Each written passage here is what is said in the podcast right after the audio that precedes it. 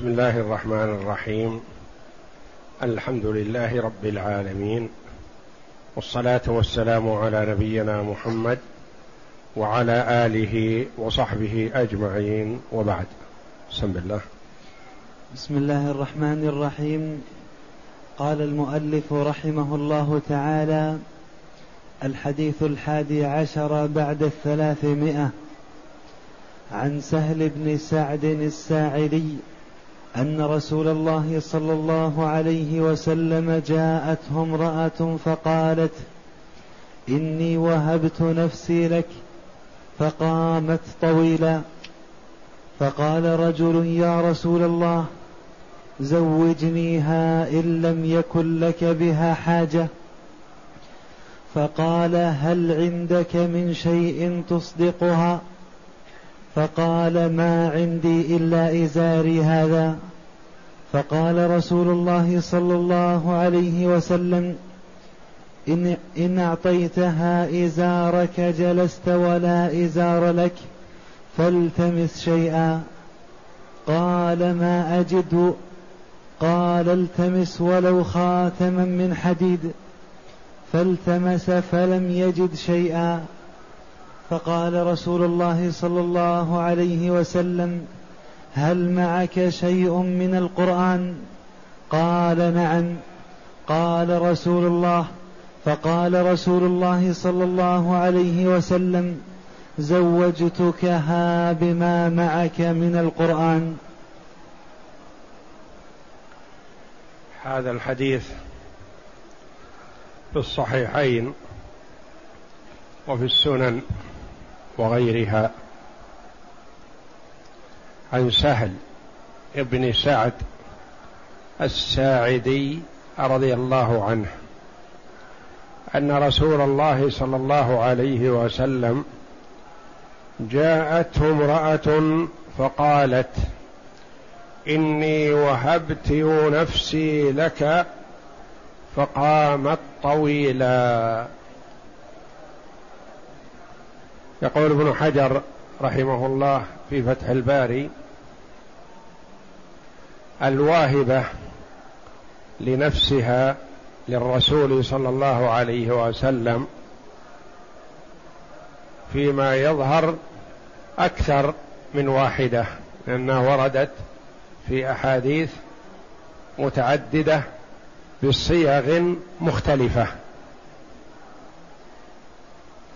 وهذا ليس بكثير ولا بغريب من الصحابيات رضي الله عنهن ومن عرضهن أنفسهن على النبي صلى الله عليه وسلم لأن كونها تكون تحت رسول الله صلى الله عليه وسلم شرف عظيم. وقد حدث أنس بن مالك رضي الله عنه بهذا الحديث على أحد التابعين وعنده إحدى بناته بنات أنس فقالت وسوأتاه ما قل حياءها؟ فالتفت إليها أنس رضي الله عنه وقال هي خير منك. هي اختارت لنفسها أن تكون تحت رسول الله صلى الله عليه وسلم.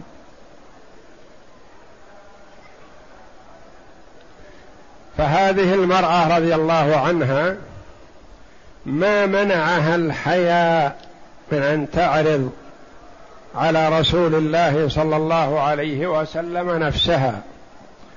وكذلك الرجال الأفاضل. من خيار هذه الأمة ما استحيوا وما توقفوا أن يعرضوا بناتهم أو أخواتهم على رسول الله صلى الله عليه وسلم وعلى من دونه على من دون رسول الله صلى الله عليه وسلم من الخيار. فهذا عمر بن الخطاب رضي الله عنه أفضل الأمة بعد نبيها وأبي بكر الصديق يعرض حفصة على عثمان رضي الله عنه. لما توفيت زوجته هل لك في أن أزوجك حفصة؟ فقال سأنظر. ثم لقيه فقال له بدا لي ألا أتزوج اليوم. فذهب ليعرضها على أبي بكر الصديق رضي الله عنه. هل لك يا أبا بكر في ان أزوجك حفصة؟ يقول فسكت أبو بكر رضي الله عنه ولم يجبني فكان في نفسي على أبي بكر أكثر مما في نفسي على عثمان لأن عثمان أجاب وأبو بكر سكت. وهكذا الرجل الكريم إذا عرض عليه أمر لا يراه أفضل من الرد قالوا السكوت. يسكت والآخر يعرف ما في نفسه يترك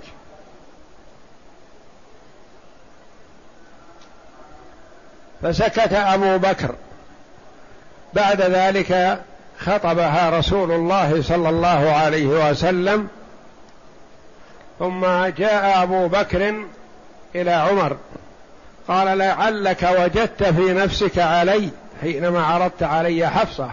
قال نعم نعم وجدت في, نفسي عليك ولما لم تقبلها؟ حفصة ابنة صاحبك وصديقك وأخيك. قال ما منعني من قبولها إلا أنني علمت أن رسول الله صلى الله عليه وسلم يذكرها. فما أحببت أن أقبلها والرسول له نظر فيها. وما أحببت أن أقول لك انتظر. سيأتي من هو خير مني خشيه أن أفشي سر رسول الله صلى الله عليه وسلم. فكان السكوت خير. لأن أبا بكر علم أن الرسول يذكرها فما أحب أن يذكر ذلك لعمر. خشية أن يكون في هذا إفشاء لسر الرسول صلى الله عليه وسلم.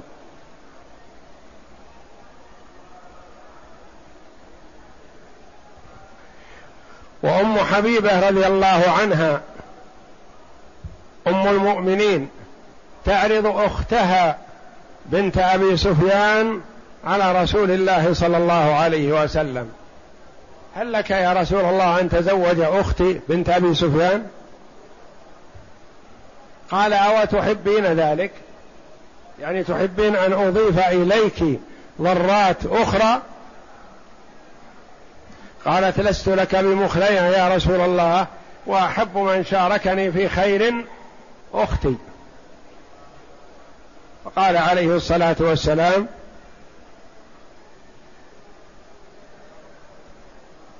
لا تعرضن علي أخواتكن ولا بناتكن. قالت إنا نحدث أنك تريد أن تأخذ برة بنت أم سلمة بنت أبي سلمة. قال بنت أم سلمة مع أمها. أما إنها لو لم تكن أمها تحتي ما حلت لي لأنها ابنة أخي من الرضاعة. فيمنع من تزوج النبي صلى الله عليه وسلم لبنت أبي سلمة شيئان. كونها بنت أخيه من الرضاعة وبنت زوجته. وهي ربيبته. فهكذا كان سلفنا الصالح يعرضون بناتهم وأخواتهم على الأخيار وكانت النساء تعرض نفسها على من ترى أنها تصلح له وتناسب. ولحكمة يريدها الله جل وعلا ما قبلها الرسول صلى الله عليه وسلم مع أنه قد يقول قائل الرسول خطب وطلب الزواج من مجموعة من النساء لما لم يقبل هذه التي عرضت نفسها؟ يقال لحكمة لأنه ربما لو قبلها لتسارع نساء المدينة كل واحدة تعرض نفسها على الرسول. فيكثرن عنده. أو ربما يأتيه من لا يريدها ولا يمكن أن يقبلها فيستحي من ردها. فألهم بتوفيق الله في أول الأمر أن يسكت عن هذه المرأة. وهذه المرأة ما ردها عليه الصلاة والسلام كما جاء في بعض الروايات أنه صوب النظر فيها ونظر وتأمل ثم سكت. فجلست المرأة ناحية تنتظر أمر رسول الله صلى الله عليه وسلم لأنه ما ردها. قالوا يؤخذ من هذا أن الإنسان إذا لم يعجبه الجواب أو ما يرى أن يوافق على ما طلب منه أن يسكت. أنه خير من الجواب. السكوت يكفي. والحر تكفيه الإشارة. فمثلا إذا طلب منك شخص شيئا ما وأنت ما أنت مقتنع من إعطائه ذلك تسكت. ما يلزم أن تعتذر منه. باعتذار ليس بصحيح. مثلا تحمل نفسك شيء وأنت في حرج فتسكت.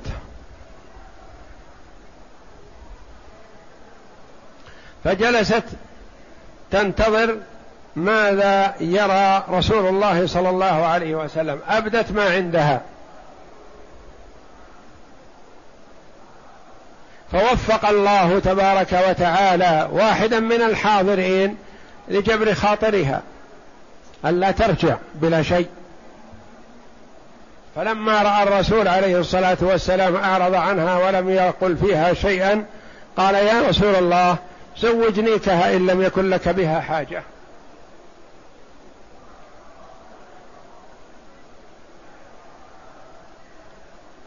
ويروى في بعض الروايات أن الرسول أجاب بقوله إنه لا حاجة لي في الزواج الآن. لا حاجة لي في النساء الآن أو كما قال صلى الله عليه وسلم. لما قال هذا الرجل زوجني يا, يا رسول الله إن لم يكن لك بها حاجة قال ماذا تصدقها؟ ماذا تعطيها مهر؟ قال لا أجد شيئا. يقول الراوي ما عليه إلا إزار ما عليه رداء. إزار يستر من السرة إلى الركبة. ما عنده ردى يضعه على صدره وعلى عاتقيه. فقال له النبي صلى الله عليه وسلم اذهب إلى أهلك فالتمس. فذهب إلى داره وعاد فقال ما وجدت شيئا. قال له النبي صلى الله عليه وسلم التمس ولو خاتما من حديد. بعدما قال الرجل للنبي أصدقها إزاري هذا نصف إزاري. نصف الإزار. الإزار يمكن كله بريال سيعطيها نصفه. فقال النبي صلى الله عليه وسلم وماذا تستفيد هي من نصف إزارك؟ إن لبسته أنت ما صار عليها منه شيء. وإن لبسته ما بقي لك شيء تستر به عورتك. التمس ولو خاتما من حديد.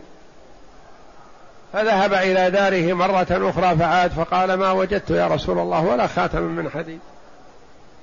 فجلس. ما أعطاه الرسول صلى الله عليه وسلم الإجابة. والمرأة جالسة. فلما رأى الرجل نفسه أنه لم يقضى له بشيء قام. ولا خرج. فلما انصرف أرسل النبي صلى الله عليه وسلم في أثره فرجع. فقال له ماذا معك من القرآن؟ قال معي سورة كذا وسورة كذا وعدد. فقال النبي صلى الله عليه وسلم زوجتكها بما معك من القرآن. فأخذ من هذا الحديث فوائد عظيمة. اولا وجوب المهر. أنه لازم لأن لا بد من وجود العوضين. الشيء المعوض لا بد من عوضه. والمرأة بذلت بضعها والرجل لابد يبذل من شيء من ماله. فلا بد من المهر والصداق. ثانيا أنه يستحب قدر الإمكان تخفيفه وتيسيره وتسهيله لأن الناس كلهم في حاجة إليه الرجال والنساء. فإذا صار المهر فاحشا وكثيرا ترتب عليه مفاسد عظيمة. بقي كثير من النساء في البيوت ما فيه من يملك الصداق الذي يدفعه لها. وبقي كثير من الرجال بلا زوجات. ما عنده المهر الذي يدفعه عدد من الآلاف الريالات. كما هو حالنا في العصر الحاضر والوقت الحاضر الآن. لما تشدد الناس في المهور ترتب عليه مفاسد. بقيت الفتيات في البيوت بلا أزواج وبقي الشباب والرجال بلا زوجات. كل هذا بسبب غلاء المهر. متى يجمع خمسين ألف أربعين ألف ثلاثين ألف؟ متى يجمعها؟ الشاب مدى حياته ما يمكن يجمعها إلا ما شاء الله إذا شاب. أو بمساعدة ولي أمره من أب أو أخ أو غيرهما. وإلا متى يجمع هذا المبلغ؟ ثم ما يترتب على الزواج بعد هذا من النفقات والحفلات وغيرها متى يتتوفر؟ فيلزم من هذا أن تبقى الفتيات في البيوت بلا أزواج ويبقى الرجال بلا زوجات أو يذهبون يلتمسون الحرام أو يأخذون زوجات من غير بني جنسهم. بسعر أرخص. وهذا فيه مفاسد عظيمة. لا يعلم مداها إلا الله سبحانه وتعالى والذي أنطق رسوله عليه الصلاة والسلام بقوله خير النساء وأكثر النساء بركة أيسرهن مؤونة. وكما تقدم لنا أن النبي صلى الله عليه وسلم يعطي العطاء الجزيل في سبيل الله ومن أجل عزة الإسلام ومهره خمسمائة درهم لأمهات المؤمنين. ومهر بناته اللاتي هن يعدلن المئات والآلاف من النساء أربعمائة درهم. تعادل مئة واثنى عشر ريال سعودي في الوقت الحاضر. مهر بنات الرسول صلى الله عليه وسلم. ولا يقال إنه ليس هناك أموال. أعطى النبي صلى الله عليه وسلم رجلا واحدا ثلاثمائة من الإبل في موقف واحد. وأعطى النبي صلى الله عليه وسلم رجلا غنما بين جبلين ما يحصيها عد. ويعطي عطاء من لا يخشى الفقر وهو عليه الصلاة والسلام هذا مهره لأمهات المؤمنين خمسمائة درهم ومهر بناته أربعمائة درهم فهو عليه الصلاة والسلام يأخذ أقل مما يعطي عليه الصلاة والسلام. وقوله صلى الله عليه وسلم التمس ولو خاتم من حديد. والخاتم من حديد لا يستحب التحلي به. قالوا ذكره لا يلزم منه إباحة إباحة استعماله لأن النبي صلى الله عليه وسلم رأى في يد رجل مرة خاتما من حديد فقال ما لي أرى أحدكم يتحلى بحلي أهل النار. لأنه ورد أن حلي أهل النار التختم بالحديد زيادة الحرارة عليهم في النار. والخاتم من حديد قيمته سهلة ميسورة.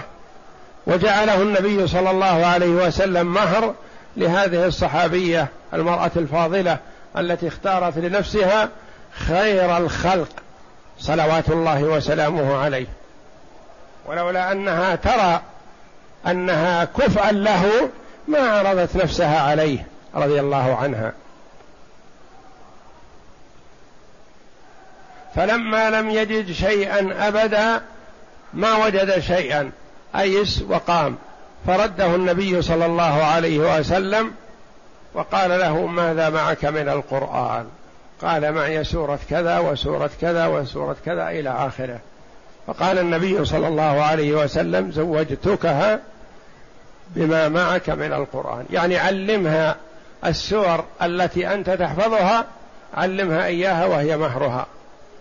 وكما تقدم لنا مهر أم سليم رضي الله عنها الإسلام. إسلام زوجها هو مهرها. قالت هو مهري لا أريد أكثر منه. أسلم وإسلامك هو مهري. قالوا أغلى مهر في الإسلام وجد هو مهر أم سليم. كان إسلام أبي طلحة رضي الله عنهما. فكلما كان المهر ميسرا فهو خير. ولا حرج ولا غضاضة ولا حياء في عرض البنت أو الأخت على الرجل الفاضل. ولا غضاضة بأن تعرض المرأة نفسها على الرجل الفاضل.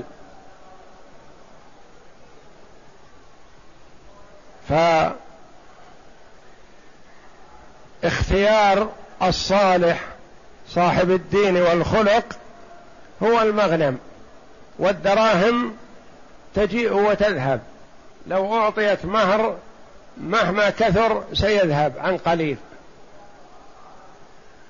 ويبقى الخلق الطيب وحسن المعاملة.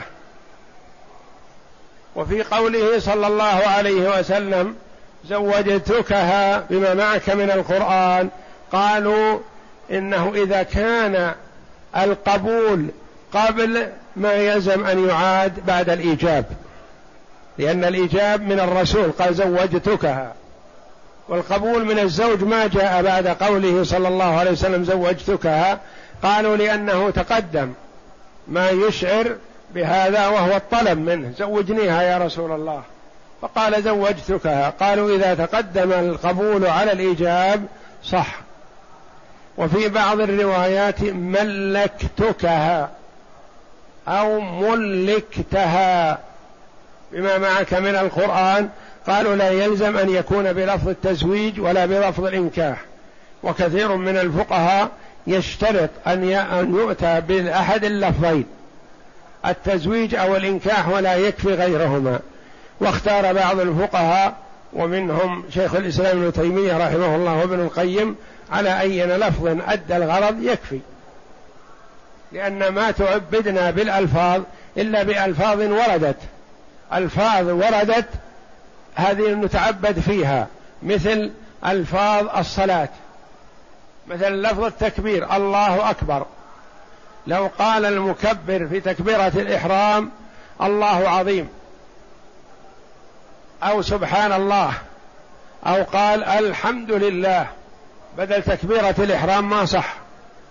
ولو جاء بلفظ بدل سمع الله لمن حمده ما صح. لا بد أن يأتي بقول سمع الله لمن حمده. أما ما كان من المعاملات والعقود قالوا إن أتى بلفظه فبها ونعمت أو أتى بما يدل على عليه صح مثل البيع والشراء. قال مثلا آخذها بعشرة قال خذها. خذها ما قال بعتك إياها ولا قال بعني إياها بعشرة. أو مثلا وضع العشرة وأخذها وسكت ما تكلم أحدهما بكلام القبول والإيجاب فعلي بدون قول.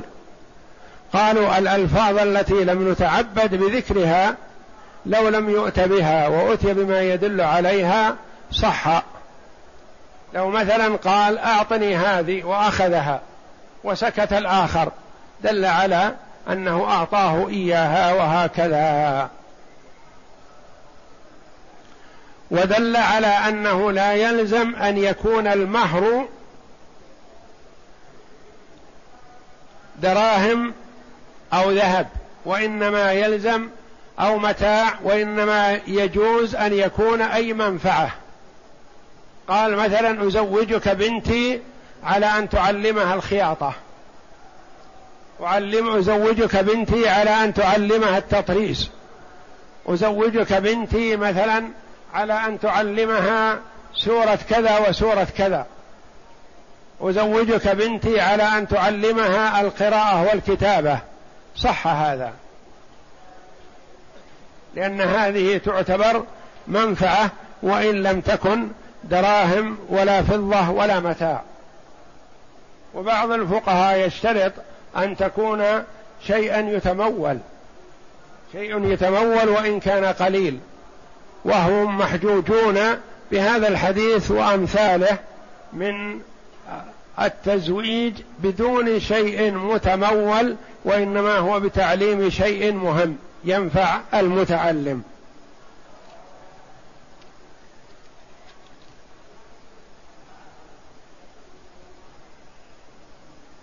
اقرأ.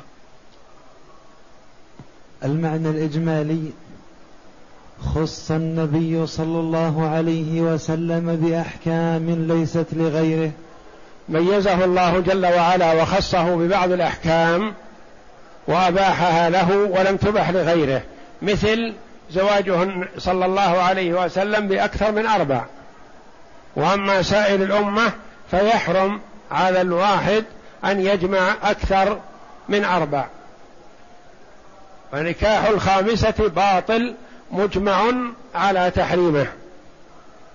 والنبي صلى الله عليه وسلم جمع بين تسع نسوة. عليه الصلاة والسلام كان يقسم بينهن. نعم. منها تزوجه من تهب نفسها له بغير صداق كما في آية الأحزاب وامرأة مؤمنة إن وهبت نفسها للنبي إن أراد النبي أن يستنكحها خالصة لك من دون المؤمنين. وهذه ميزة للنبي صلى الله عليه وسلم أن المرأة إذا وهبت نفسها له صح بدون مهر لا حاضر ولا مستقبل لا في الحياة ولا عند الوفاة.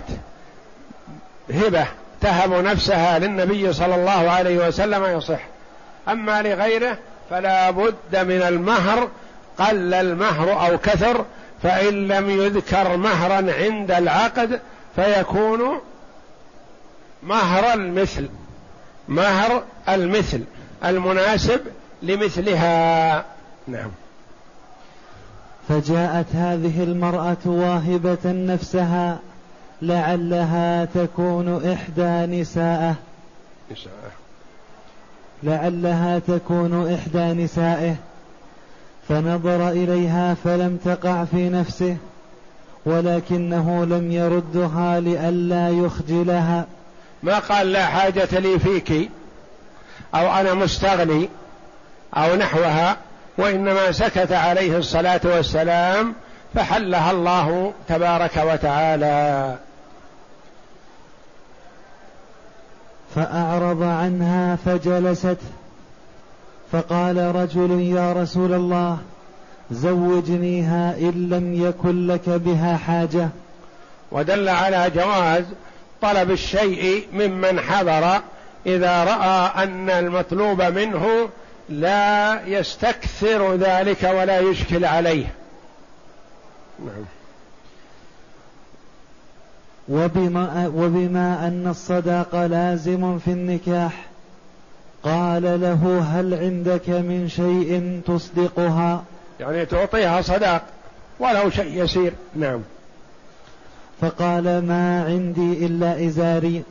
وبعض العلماء يشترط أن الصداق لابد أن يكون ثلاثة أقل, أقل شيء في ثلاثة دراهم وبعضهم يقول خمسة دراهم وبعضهم يقول أقله ربع دينار. نعم. إذا أصدقتها إذا أصدقها إزارة يبقى عريانا لا إزار له. فلذلك قال له التمس ولو خاتما من حديد. فلما لم يكن عنده شيء قال هل معك شيء من القرآن؟ قال نعم. قال صلى الله عليه وسلم زوجتكها بما معك من القرآن. وفي قوله صلى الله عليه وسلم زوجتكها بما معك من القرآن. دلالة أن أن الخطبة خطبة النكاح ليست بلازمة. ليس بلازم في العاقد أن يقول إن الحمد لله نحمده ونستعينه ونستغفره ونتوب إليه إلى آخره. ويأتي بالآيات الواردة في ذلك والأحاديث ما يلزم. يعني لو أن الرجل قال لرجل آخر زوجني ابنتك فقال زوجتكها وفيه شاهدا لزم النكاح وصار لازما. إذا وجد الإيجاب والقبول من الولي الإيجاب من الولي والقبول من الزوج بشهادة شاهدين لزم النكاح ووقع. ولا يلزم أن يتقدمه خطبة. نعم. قال صلى الله عليه وسلم زوجتكها بما معك من القرآن تعلمها إياه فيكون صداقها. ونعم الصداق أن يعلمها شيئا من القرآن يكون معها. أولا جواز عرض المرأة نفسها أو الرجل ابنته على رجل من أهل الخير والصلاح. والحديث دليل على ذلك وحديث عمر رضي الله عنه وعرضه لحفصة على عثمان ثم على أبي بكر وعرض سعيد ابن المسيب رحمه الله ابنته على أحد تلامذته الفقراء بعدما خطبها ولي عهد أمير المؤمنين ولم يزوجها إياه وعرضها على طالب علم فقير. ثانيا جواز نظر من له رغبة في الزواج إلى المرأة التي يريد الزواج منها. والحكمة في ذلك ما أشار إليه صلى الله عليه وسلم بقوله انظر إليها فهو أحرى أن يؤدم بينكما. وذلك أنه جاءه رجل من الصحابة رضي الله عنهم قال إني خطبت بنت فلان. فقال هل نظرت إليها؟ قال لا. قال اذهب فانظر إليها فإنه أحرى أن يؤدم بينكما.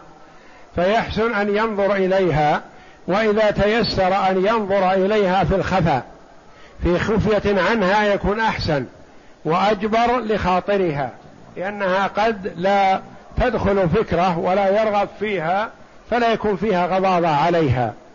إن أمكن أن يراها هو في مكان خفي وهي في بيت أهلها مثلا أو في مكان ما يراها من دون أن لا أن تشعر فذلك أحسن.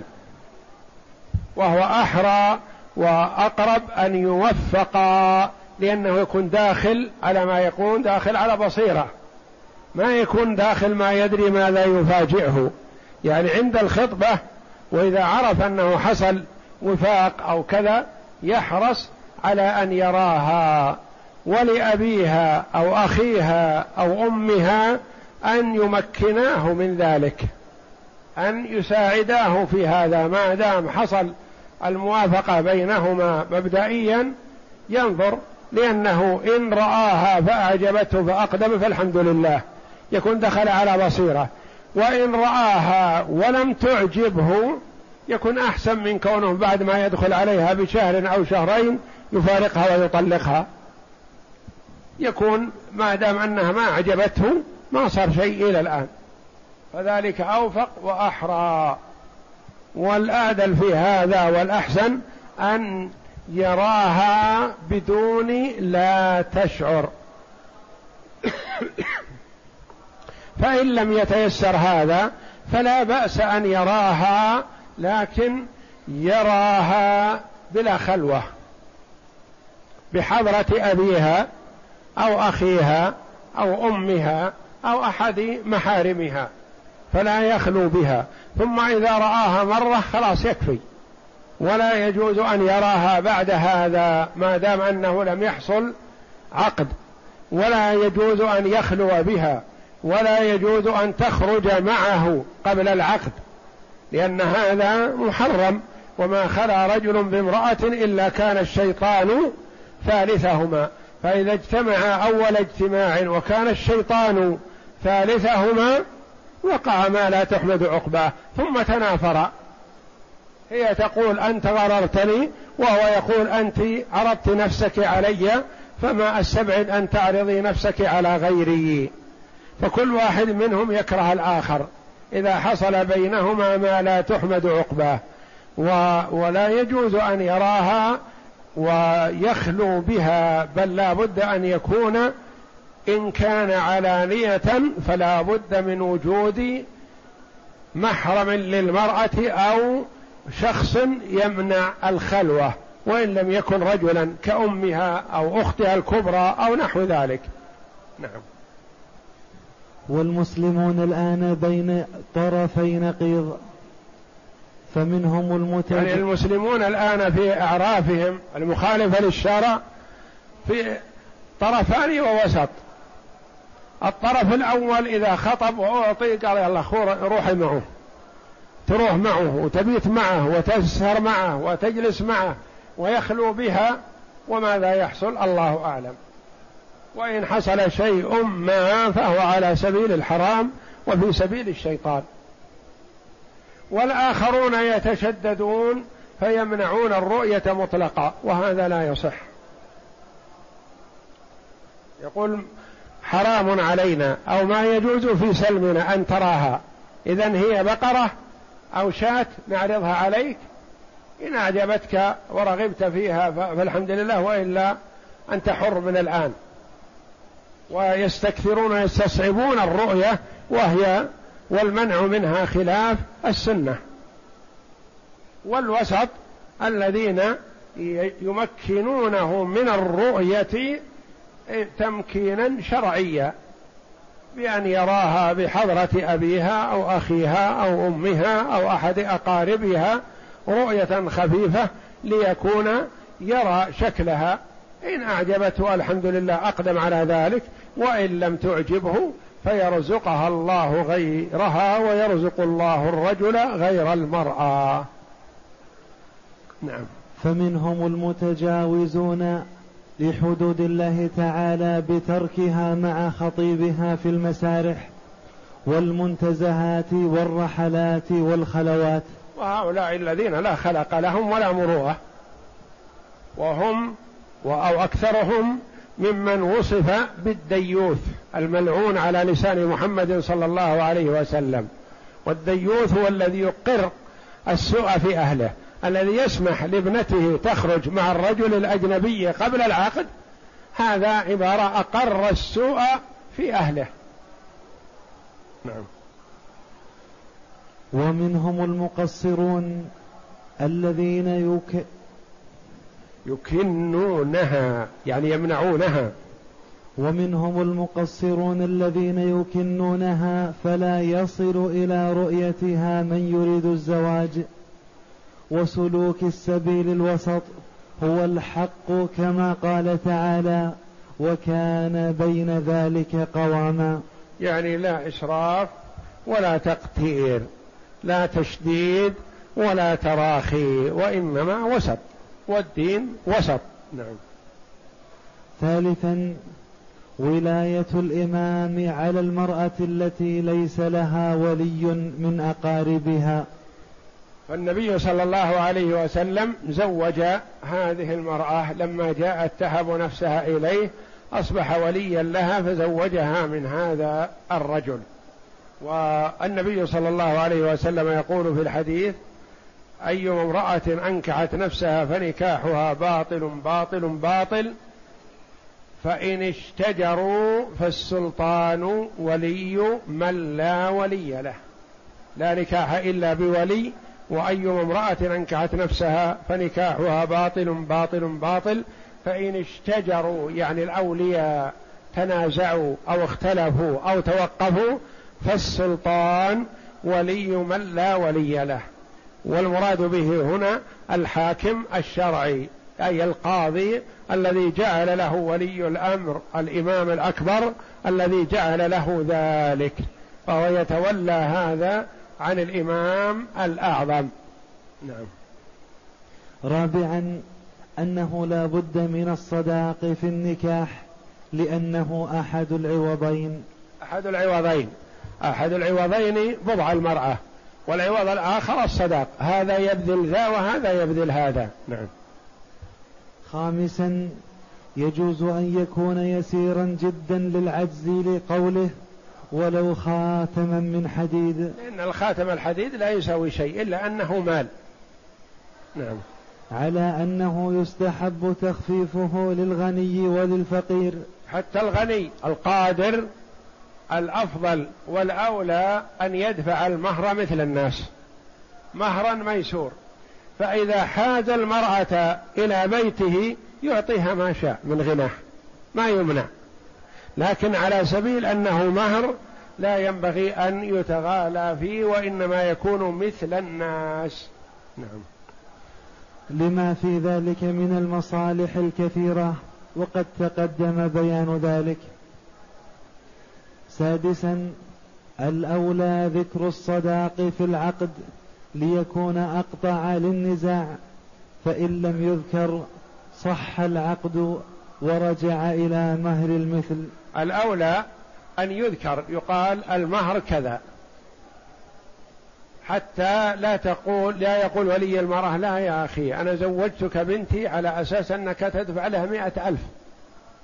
ويقول الرجل مثلا بعد الدخول أنا قبلتها منك على أنها بالمهر الميسور فأنا أدفع لها خمسة آلاف لأنك أنت الذي عرضتها علي.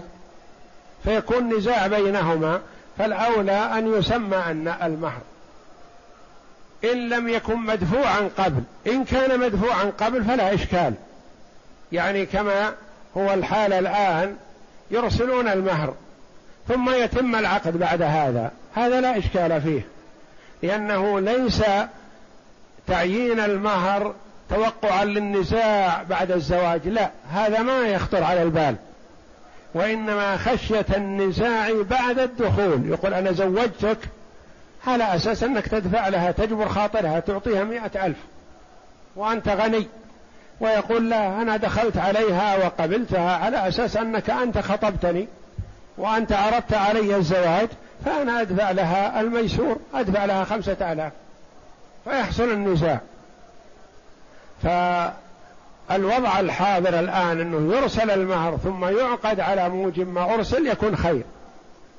يكون مثلا ما عقدوا إلا أنهم راضون بما جاء من المهر قل أو كثر. فإذا لم يسمى المهر ولم يرسل وقال الولي أريد مائة ألف وقال الزوج مثلا أنا أنت تعرف أن ما عندي شيء أنا طالب. طالب علم ما عندي شيء. أنا توقعت أن يكفيها خمسة آلاف لأنك عرضت علي. فتنازعا فيرجع إلى مهر المثل.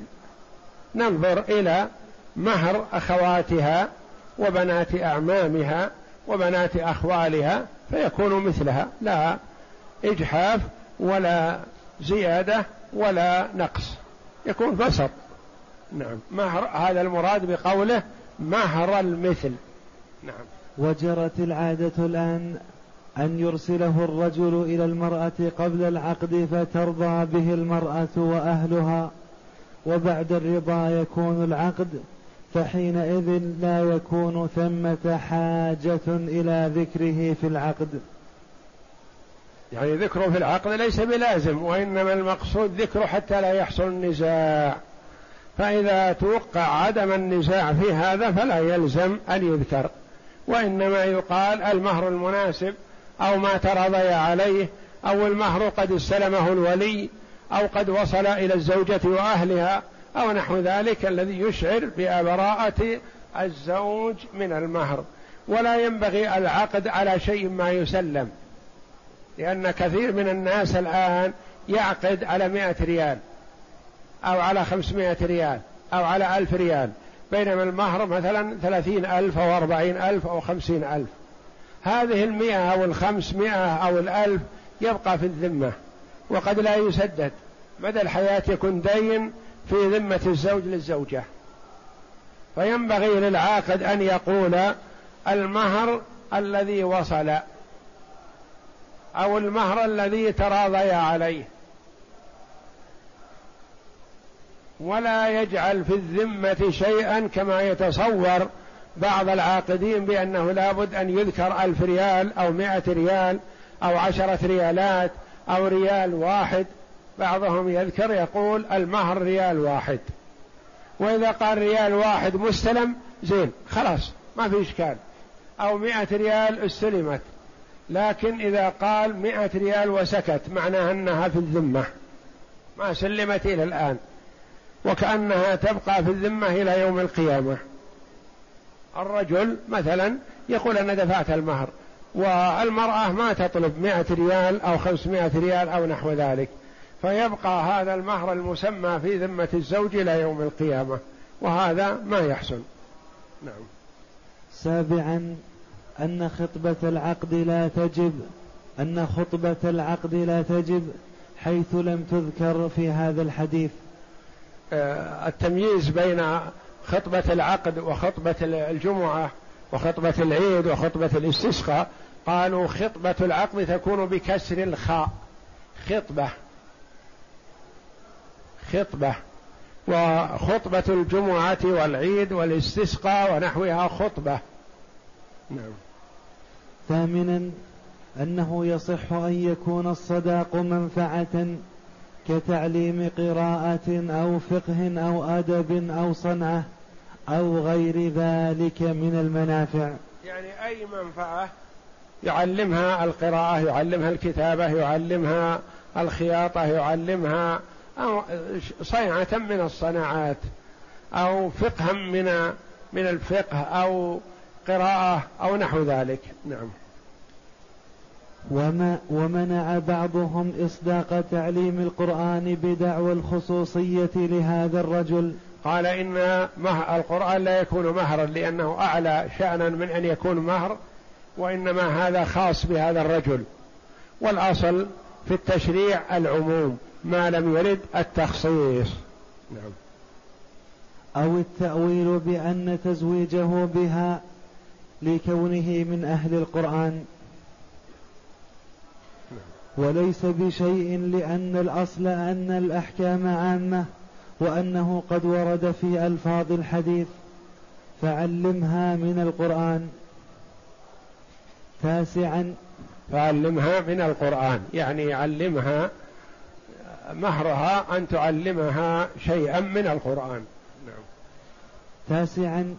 أن النكاح ينعقد بكل لفظ دال عليه والدليل على ذلك ألفاظ الحديث فقد ورد بلفظ زوجتكها وبلفظ ملكتكها وبلفظ أمكناكها. أمكناكها. وبلفظ ملكتها.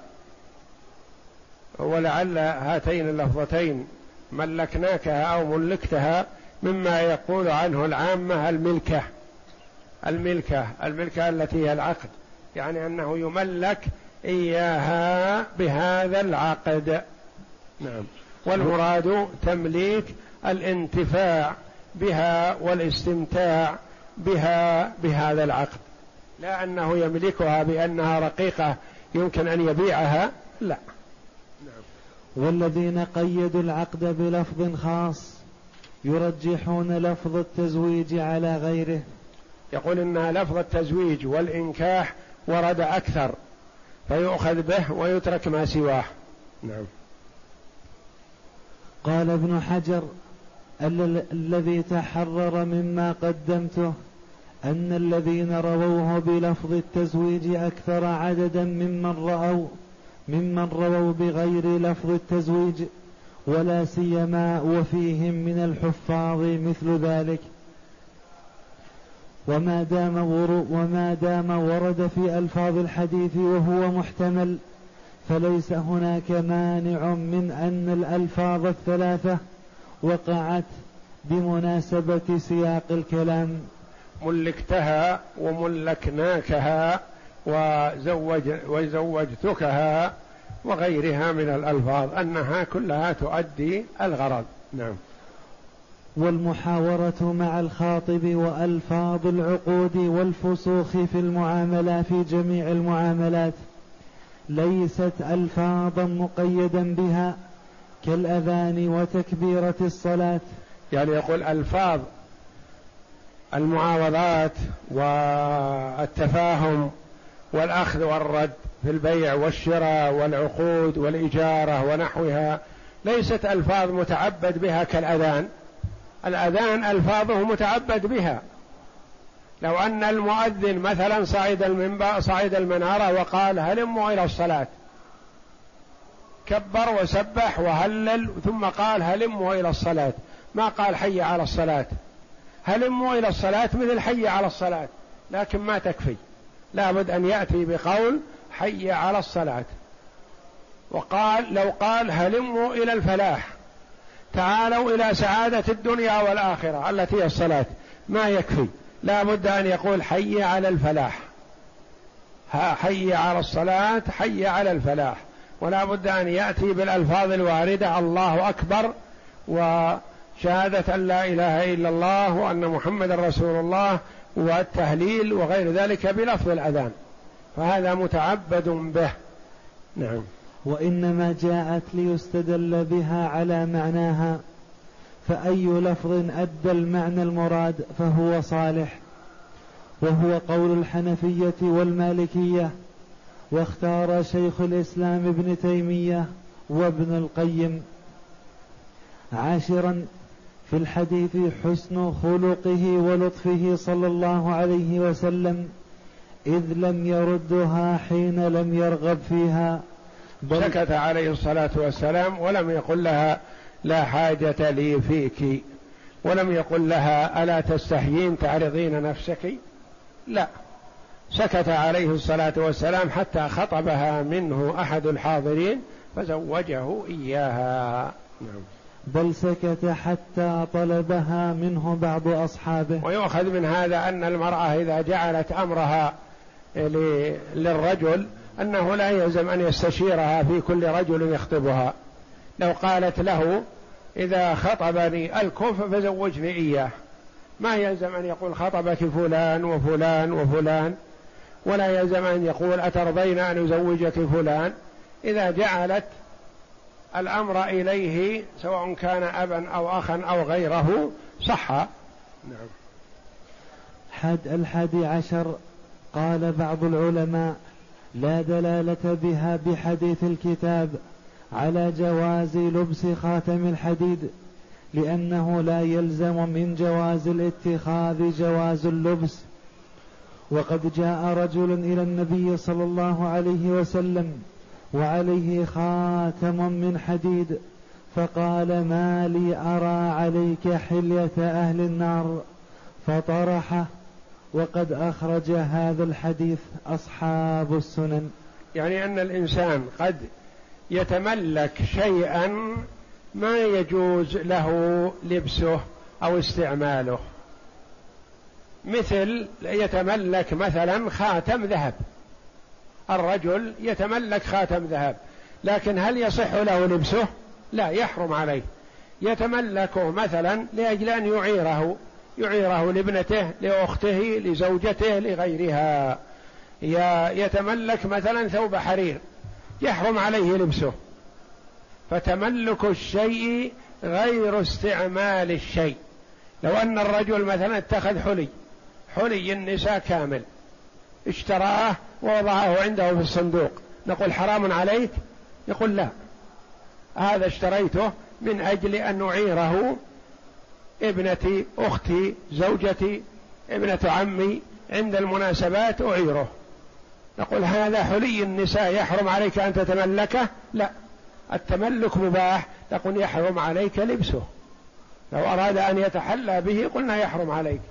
لكن أراد أن يعيره فلا يمنع. ولهذا يقال إن تملك خاتم الحديد ليس بمكروه وإنما المكروه استعماله. والله أعلم. وصلى الله وسلم وبارك على عبده ورسول نبينا محمد وعلى آله وصحبه أجمعين.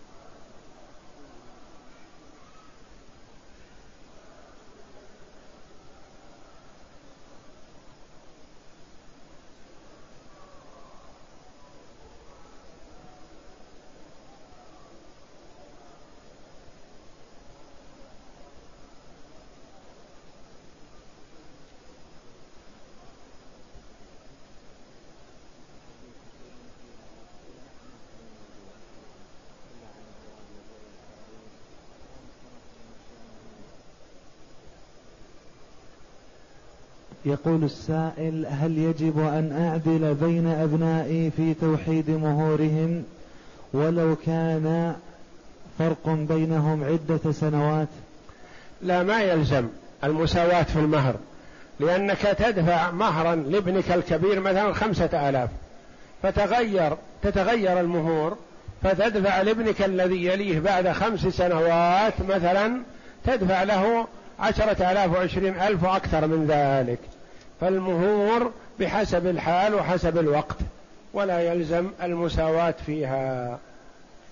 يقول هل يكتفي وجود أختها الكبيرة أو معها أخ لها حتى يمنعها من الخلوة؟ نعم يجوز حضور أي شخص يمنع الخلوة. فلا يجوز أن تخلو المرأة بخطيبها مثلا وإنما إذا حضر من يمنع الخلوة من رجل أو امرأة صحا.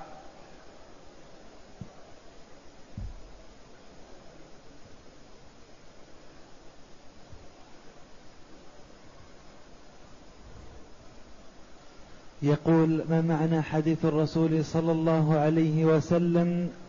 دع ما يريبك إلى ما لا يريبك. دع ما يريبك إلى ما لا يريبك يعني الشيء الذي تشك فيه. ولا تطمئن إليه نفسك اتركه إلى أمر لا شك فيه ولا مرية ولا توقف ولا تخوف من وقوع الحرام.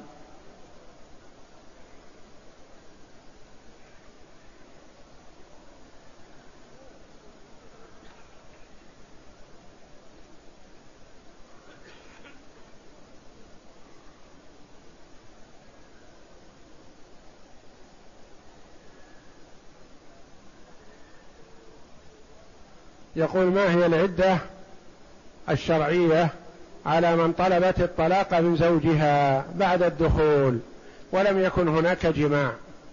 حتى وإن لم يكن بينها هناك جماع فعدتها كعدة غيرها. إن كانت من ذوات الأقرى ثلاث أقرى ثلاث حيض. وإن كانت صغيرة لا تحيض أو كبيرة انقطع عنها الحيض فثلاثة أشهر.